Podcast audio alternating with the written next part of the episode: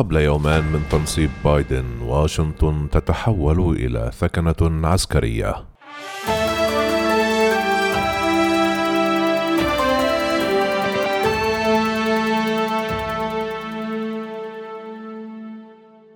مؤشرات جديدة تبرز في العاصمة واشنطن قبل يومين من حفل تنصيب الرئيس المنتخب جو بايدن.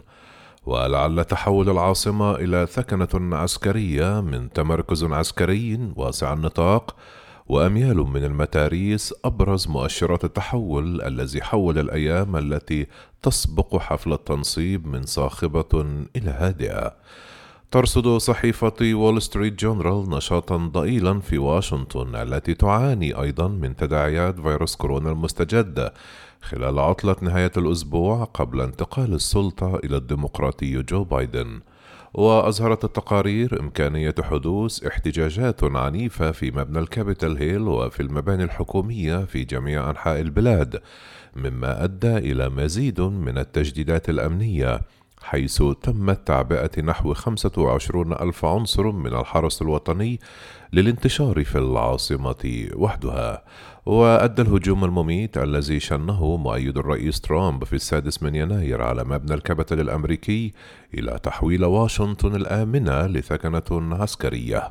الأمر الذي أثار مقارنات مع المنطقة الخضراء المحصنة في بغداد حيث توجد السفارة الأجنبية. وقال متتبع الاستخبارات إلى أن أنصار الرئيس دونالد ترامب المنتهي ولايته والجماعات المتطرفة الأخرى كانت تخطط منذ أسابيع للتجمع في المنطقة يوم الأحد لكن التعزيزات الأمنية المكثفة أسنت عنهم ذلك. في الأيام المقبلة يراقب مساعدو بايدن التهديدات عن كثب ويلتقون بقادة الأمن القومي وإنقاذ القانون بهدف جعل الرئيس الجديد يؤدي اليمين الدستورية الأربعاء في الجبهة الغربية لمبنى الكابيتال الأمريكي. وفي تصريح تلفزيوني قال مدير الاتصال في البيت الأبيض بايدن فيلن هذه بالتأكيد خطتنا. لكن واشنطن تبقى في حالة تأهب قصوى وسط تهديدات غير مسبوقة جاءت على خلفية رفض الرئيس ترامب نتائج الانتخابات وإصراره على أنها مزورة دون أن يقدم دليلا على ذلك.